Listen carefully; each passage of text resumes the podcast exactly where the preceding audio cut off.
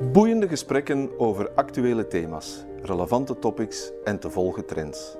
Welkom op de Vlaio podcast waar ondernemers en hun netwerk een stem krijgen, hun plannen vorm en hun ambities een klankbord.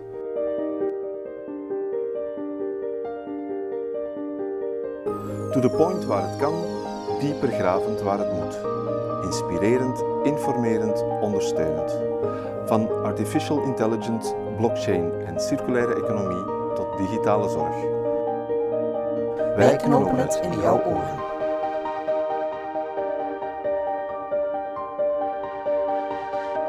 Welkom in onze gezellige studio in Leuven. Wij gaan het vandaag hebben over cybersecurity. Ik ben Jo Bultreis. Ik ben recent aangeworven bij het team bedrijfstrajecten Vlaio als programmaadviseur Artificial Intelligence en Cybersecurity. Ik heb vandaag een gast uitgenodigd uh, met veel expertise in het domein van cybersecurity. Goedemiddag Jo. Lieven, stel jij je even voor? Ik ben Lieven de Smet. Ik ben uh, onderzoeksmanager veilige software aan de KU Leuven. En ik volg me ook mee het programma Cybersecurity op vanuit die invalshoek.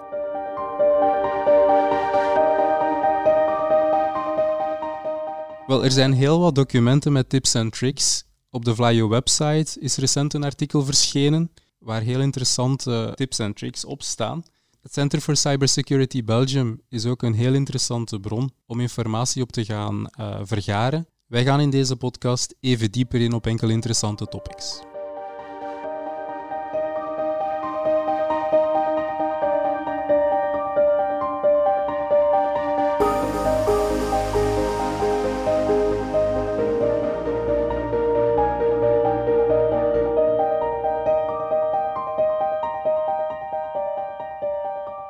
We gaan meteen van start, lieven. Hoe weet een bedrijf wanneer men een aanval heeft gehad? Dat is eigenlijk op zich al een heel moeilijke vraag, omdat de meeste bedrijven zelfs niet gaan weten dat ze een aanval gehad hebben. Dus waar je in het verleden heel makkelijk kon zien dat je geïnfecteerd was met je laptop, dat er een virus kwam zeggen, ik ben het virus, ik ben effectief je computer aan het infecteren, zitten we in een toestand dat machines heel lang kunnen geïnfecteerd zijn, dat er data kan verloren gegaan zijn, zonder dat het bedrijf ooit dat te weten komt. Natuurlijk, in de recente golf zien we ook ransomware, daar is natuurlijk veel duidelijker dat er effectief een probleem is binnen een bedrijf. Maar dat probleem kan al één, twee jaar aanwezig zijn in het bedrijf voordat het effectief aan het licht komt. Dat klinkt redelijk verontrustend. Dat is het misschien wel, maar ik denk dat je bij cybersecurity altijd moet ervan uitgaan dat je ofwel al geïnfecteerd bent, of dat je binnenkort geïnfecteerd gaat worden. Er bestaat niet zoiets als een oplossing die volledig waterdicht is. Je kan alleen proberen zo goed mogelijk je te gaan beveiligen en zoveel mogelijk eigenlijk je beter te gaan beveiligen dan met een spreken je buren. Dus het is eigenlijk een beetje hetzelfde verhaal als de aankoop van een alarmsysteem in een woning. Je zorgt ervoor dat je eigen huis beter beveiligd is dan dat van je buren. En je hoopt um, dat men jou dan niet als specifiek doelwit neemt. Mag ik dat zo samenvatten? Dat is één stukje, maar het, hangt eigenlijk, het is meer dan alleen de technische aspecten. Je, je, gaat nu effectief in op het alarmsysteem en dat zou je een van de technische aspecten van security kunnen noemen. Het gaat er natuurlijk ook in van hoe ga je ermee om. Bijvoorbeeld als gebruiker ga je ook je deur sluiten. Dat is een even, even waardige maatregel als alleen het alarmsysteem hebben. En zo gaat het inderdaad ook bij beveiliging. Je gaat eigenlijk een heel aantal stukken nemen die technische maatregelen zijn om zo goed mogelijk te gaan beveiligen. Zowel eigenlijk op je laptop, ook of de machines die je gaat gebruiken, de cloudomgeving die je gaat gebruiken, maar ook de manier waarop je ermee omgaat. Hoe zien je paswoorden eruit? Hoe ga je effectief om met die beveiligingsmaatregelen? Hoe ga je om met beveiliging in je organisatie?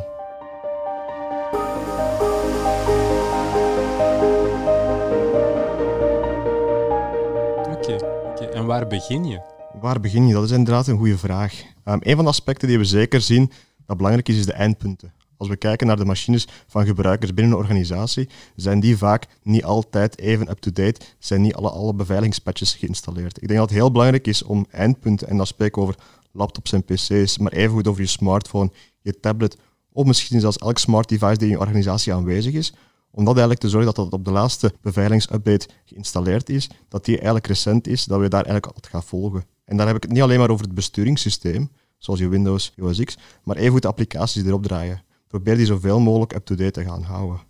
Daarnaast kan je natuurlijk ook die machines verder gaan inrichten met antivirus, met die firewall. Die zaken zijn wel noodzakelijk om uw basishygiëne van security te gaan nemen. En is dat dan eigenlijk de verantwoordelijkheid van de gebruikers van die endpoints, of is dat de verantwoordelijkheid van de bedrijfsleiding om dat gestructureerd te gaan aansturen? Optimaal wordt dat natuurlijk gestructureerd aangepakt. Natuurlijk, dat hangt een beetje af van de schaal van een bedrijf. Ik kan me voorstellen, in een klein, heel klein bedrijfje, waar elke individuele werknemer zijn eigen laptop onderhoudt, is dat dan natuurlijk verspreide. ehm, verantwoordelijkheid.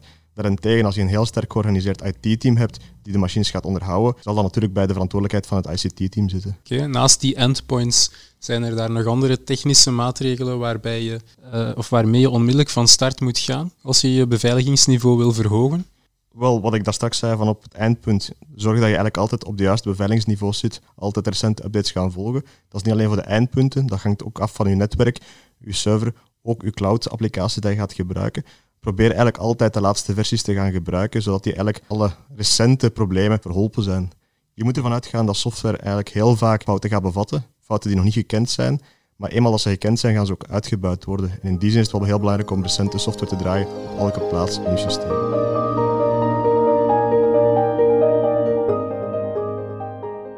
Daarnaast is het ook wel natuurlijk belangrijk om bijvoorbeeld rond gebruikers goed na te denken. Wanneer ga je gebruiker activeren, wanneer ga je gebruiker deactiveren, maar ook welke paswoorden gaan die gebruiken om op het systeem in te loggen.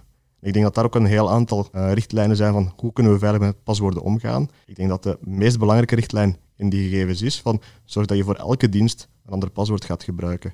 Dat is op zich zelfs nog belangrijker dan heel regelmatig je paswoord moeten veranderen binnen één dienst. Twee zaken uh, die je aanhaalde uh, lijken, mij, lijken mij interessant om even verder op door te gaan. Je had het over de cloud. Is de cloud even veilig als een server in het eigen bedrijf? Of eventueel veiliger? Wel, dan moet ik natuurlijk een eerste inschatting maken hoe veilig dat die server binnen je eigen bedrijf is. Um, ik denk dat je de algemene basisveiligheid uh, van de cloud zeker niet mocht onderschatten. Je gaat eigenlijk sowieso een basislevel van security krijgen. Nu, het moment dat je in die cloud ook zelf applicaties gaat installeren, ga je dezelfde problematiek krijgen als dat je die in je eigen organisatie gaat draaien. Ook die applicaties moeten up-to-date gehouden worden. Dus in die zin kan zijn door het uit te besteden dat de updates automatisch gebeuren, bijvoorbeeld op besturingsniveau. Maar dan moet je nog altijd op de hogere lagen zorgen dat je de juiste instellingen, de juiste updates gaat draaien. Het lijkt mij wel niet evident om in een bedrijf voor elke individuele applicatie een verschillend paswoord te gaan afdwingen van de individuele gebruikers. Zijn er daar manieren om dat te gaan faciliteren, waardoor dat, ja, de burden van, van een hoger beveiligingsniveau verlaagd kan worden? Natuurlijk, binnen het bedrijf zelf kan, zou je kunnen zeggen van je werkt met een single sign-on. Je gaat eigenlijk met een systeem gaan werken die eenmalig geautoriseerd binnen je omgeving om applicaties te kunnen activeren. Wat er belangrijk is, is als je derde partijen software gaat gebruiken, dat je daar nooit hetzelfde paswoord als intern gaat gebruiken. Elke service waar je hetzelfde paswoord gebruikt, er moet maar één van die services ooit zijn paswoorden laten lekken of ingebroken worden. En dan plots zijn al je logins op andere services plots onveilig. Dus daarover gaat het eerder.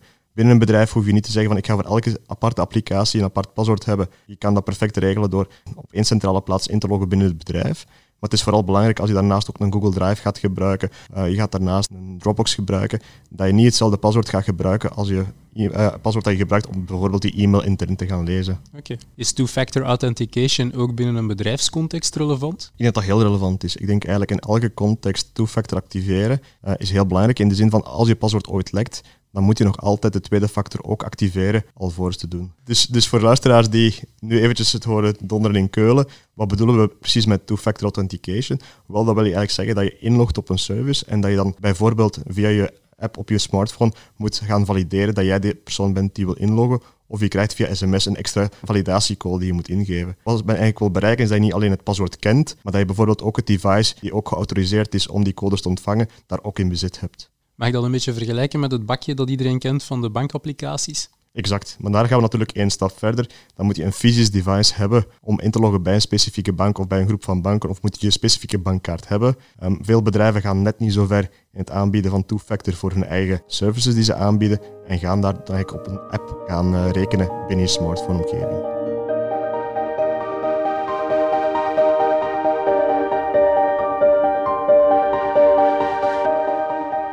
Lieven, de, de laatste weken zijn, of de laatste maanden eigenlijk, zijn er een aantal spraakmakende cases geweest van ransomware, waarbij bedrijven hun, hun IT-systemen eigenlijk vergrendeld worden en waardoor de, de, bedrijfsactiviteiten tijdelijk moeten stilgelegd worden met navenante economische en reputatieschade. Kan je daar een beetje meer uitleg over geven, hoe een bedrijf zich daarop kan voorbereiden, zich tegen kan beschermen? Ja, uiteraard. Bij ransomware zien we eigenlijk een, een nieuwe trend van hoe infecties van PC's gebeuren. Wat dan vroeger een infectie gebeurde, bijvoorbeeld om data te stelen, wat helemaal op de achtergrond kon gebeuren, ga je bij ransomware inderdaad zeggen, we gaan de data versleutelen, we gaan zorgen dat de systemen zelf niet meer bruikbaar worden. Um, de manier waarop natuurlijk zo'n PC wordt geïnfecteerd, zijn eigenlijk de klassieke vectoren. Je gaat ofwel via e-mail, je gaat via malware, een USB-stick. Eigenlijk een, een virus inbrengen in het netwerk van het bedrijf en dat gaat zich verder verspreiden over de computers binnen een bedrijf. Hoe kan een bedrijf zich daar nu tegen wapenen? Net zoals je bij alle andere malware die op het bedrijf kan binnenkomen, moet je eigenlijk ook een zekere uh, basismaturiteit krijgen van omgaan met IT-systemen. En daar is het heel belangrijk eigenlijk om een opleiding en bewustwording bij alle medewerkers in het bedrijf heel sterk te gaan verhogen. Hoe dat ze eigenlijk omgaan bijvoorbeeld met de mail die ze gaan lezen. Dat ze een USB-stick die ze op de parking vinden niet zomaar in een computersysteem gaan plaatsen. Dus dat is de ene kant dat je kan gaan doen. En je kan dat natuurlijk versterken met een aantal technische hulpmiddelen, bijvoorbeeld om zoveel mogelijk e-mailverkeer te gaan filteren op dergelijke gevaarlijke berichten. Dat is één kant. Aan de andere kant is het natuurlijk ook wel heel belangrijk dat de systemen zelf heel up-to-date zijn, wat we daar straks al kort over gehad hebben. Als systemen up-to-date zijn, gaat het veel moeilijker zijn voor zo'n malware om zich te verspreiden binnen een bedrijf. We zien dat een heel aantal van die aanvallen net op oude systemen, oude Windows-machines zich gaan verplaatsen en gaan infecteren. Dus in die zin is dat al materiaal één dat je kan gaan nemen om te zorgen dat, mocht zelfs zo'n virus binnenkomen in je bedrijf, dat de impact eerder beperkt gaat zijn. Mhm. Ehm, natuurlijk, we moeten ook rekenen dat het voor niet elk bedrijf even evident is om altijd de laatste Windows 10 voor X te gaan draaien. We zien ook in heel veel maakbedrijven dat soms nog oudere PC's instaan voor een heel stukje van het proces van het bedrijf. Dus dat is, blijft een uitdaging. Dan blijft het vooral een kwestie van kunnen we zorgen dat als een virus binnenkomt, het zich niet verder verspreidt binnen het bedrijf.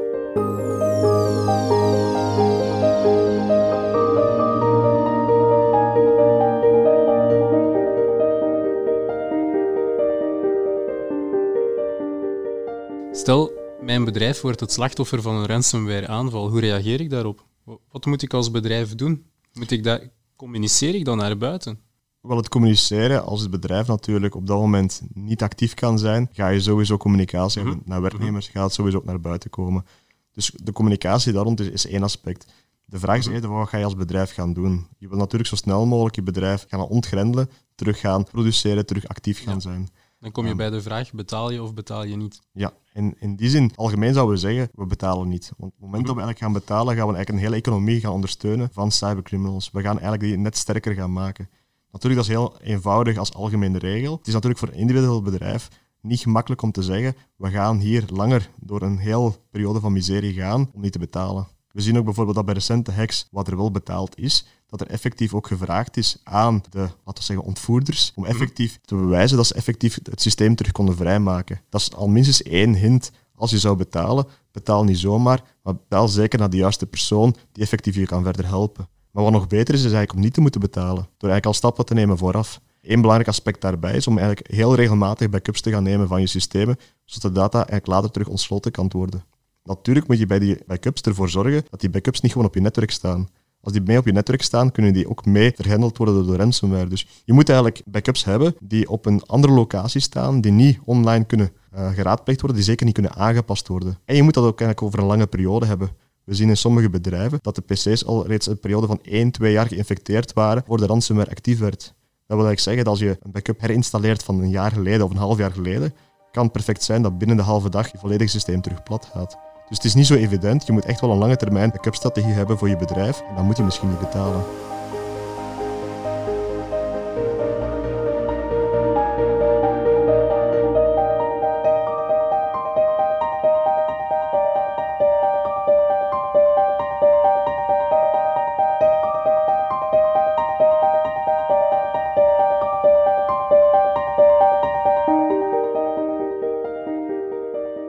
Stel dat ik mij beter wil wapenen tegen die dreiging, bij wie kan ik terecht?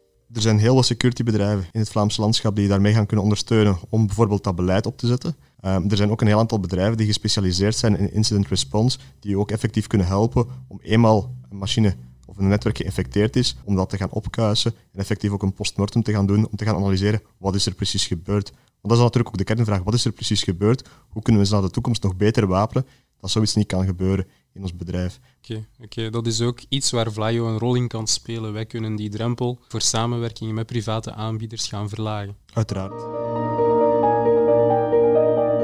We hebben al een aantal heel interessante punten aangeraakt op het vlak van de technologie en uh, hoe dat je eigenlijk de muur of de digitale muur rond je infrastructuur kan, kan gaan beveiligen. Zijn, er nog andere zaken die je kan doen, los van technologische componenten? Wel, ik denk dat de technologische componenten nooit op zich kunnen staan. Wat dat belangrijk is, is dat ik als organisatie dat je organisatorische maatregelen gaat nemen. Je gaat eigenlijk nooit een beveiligingstraject kunnen gaan uittekenen als je niet volledig met het volledige bedrijf daarachter gaat staan. Dat is belangrijk. Je, je hebt eigenlijk nood aan een management van het bedrijf, van de organisatie, die mee achter een versterking of een innovatie rond security gaat staan. Is aan de ene kant. En tweede, het is ook belangrijk dat dat kan uitgerold worden over het hele bedrijf. Het is niet de oplossing om één security verantwoordelijk aan te stellen die in zijn silo verantwoordelijk is voor de beveiliging van het hele bedrijf. Nee, met het hele bedrijf, elke werknemer maakt eigenlijk deel uit van het beveiligingsbeleid van een bedrijf.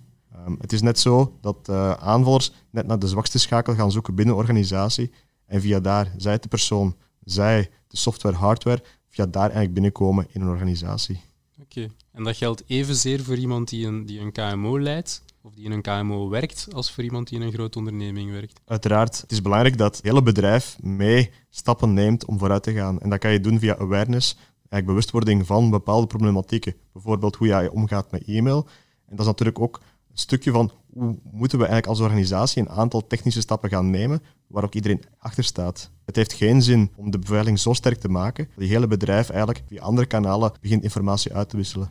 Dus je moet echt als organisatie vooruit willen gaan en niet alleen de IT-dienst of alleen de security-verantwoordelijke die stappen vooruit wil zetten. Dat betekent dat elke werknemer in staat moet zijn om een phishing-e-mail te gaan detecteren. Te detecteren of minstens zich een vraag te stellen en bijvoorbeeld hulp te gaan vragen aan iemand van IT, aan iemand van security. Die vraagt van, mag ik deze link gaan klikken? Maar die bewustwording moet er wel zijn. Stel, het is gebeurd, je hebt op een link geklikt, je hebt een formulier met een paswoord ingevuld, je denkt van het is niet oké die bewustwording moet er wel zijn, om dan bijvoorbeeld ook de IT-diensten te gaan verwittigen van er is iets vreemds gebeurd. En dat is wel een cultuur die moet door heel het hele bedrijf heen uitgerold worden.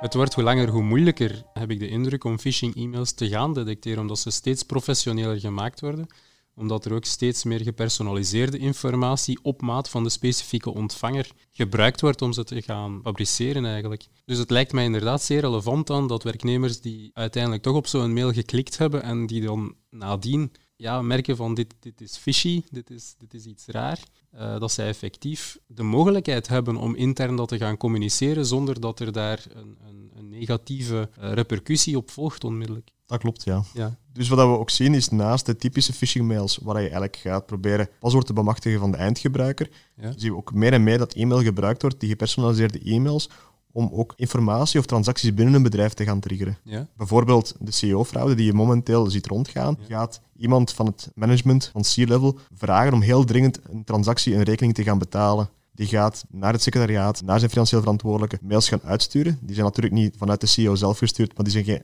geïmpersoneerd door de aanvaller.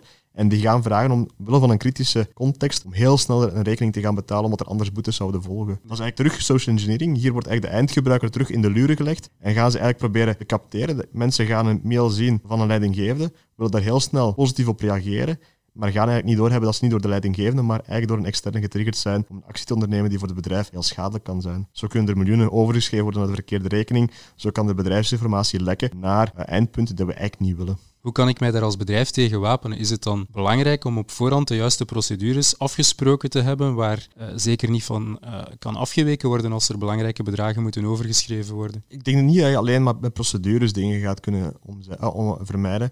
Ik denk wat belangrijk is, is dat er die bewustwording is. Als een persoon een dergelijke mail krijgt, is er kleine moeite om voor de zekerheid nog eens de telefoon te nemen om de persoon in kwestie te gaan contacteren bijvoorbeeld. Daarvoor hoef je geen procedure op poot te zetten, want je kan vooraf nooit inschatten wat de alle mogelijke aanvalstechnieken gaan zijn.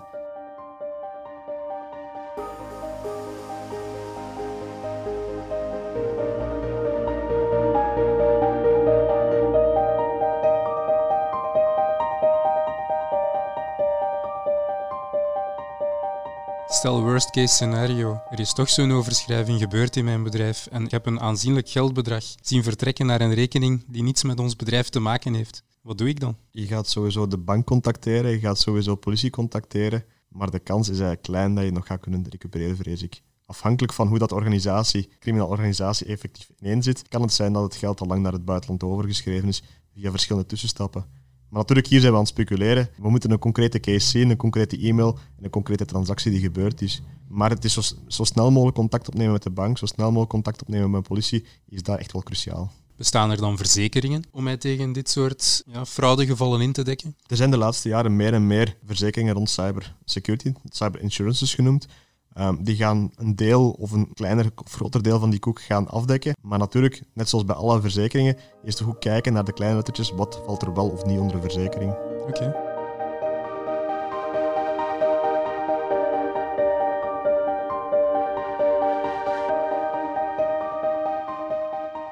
Zeg lieve, we hebben nu al een aantal goede maatregelen opgesomd, maar hoeveel gaat een onderneming daarvoor betalen als zij die stap willen zetten? Hoeveel kost dat?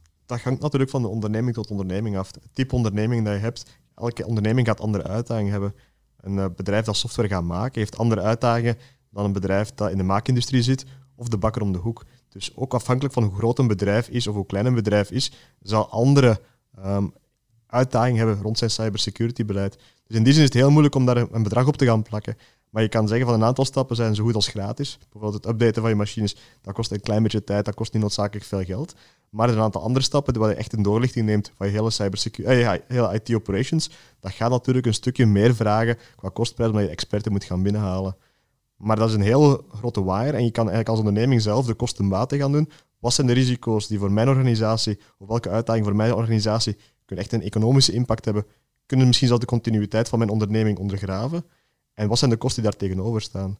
Dat is natuurlijk een, een risicoanalyse die elke onderneming voor zichzelf kan gaan maken, maar die wel heel belangrijk is en die misschien op dit moment nog te weinig gebeurt.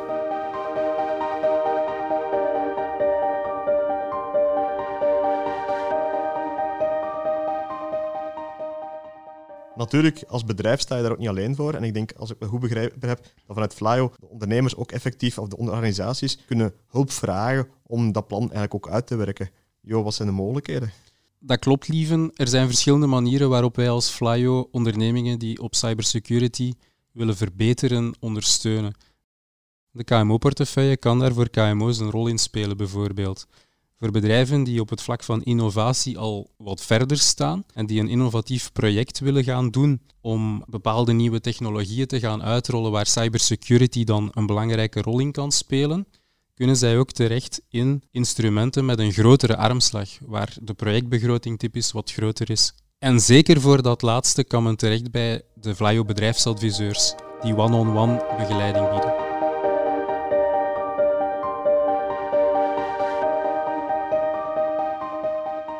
Lieven, we hebben nu verschillende dimensies van cybersecurity aangeraakt. We hebben de technologische component gehad, hè, met onder andere backups, antivirussoftware, um, endpoints en dergelijke meer. We hebben daarnaast ook de component van de bewustwording binnen bedrijven, van werknemers en van het management uh, al aangeraakt.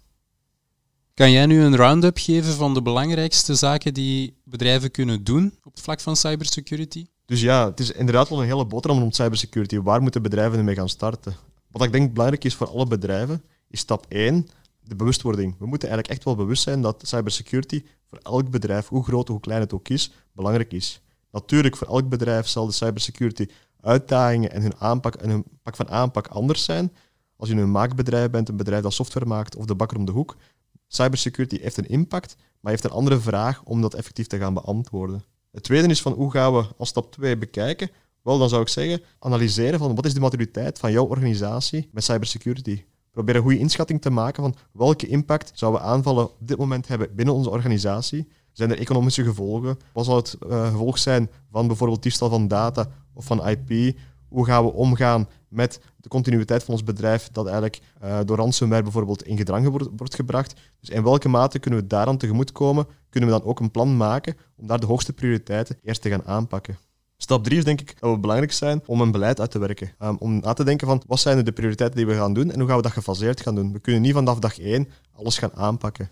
En daar is het belangrijk om eigenlijk duidelijk te stellen van dit zijn eigenlijk onze prioriteiten voor de eerste twee maanden, voor de eerste zes maanden, voor het eerste jaar. En stapgewijs eigenlijk te verder te gaan verfijnen, verder te gaan maturen in cybersecurity.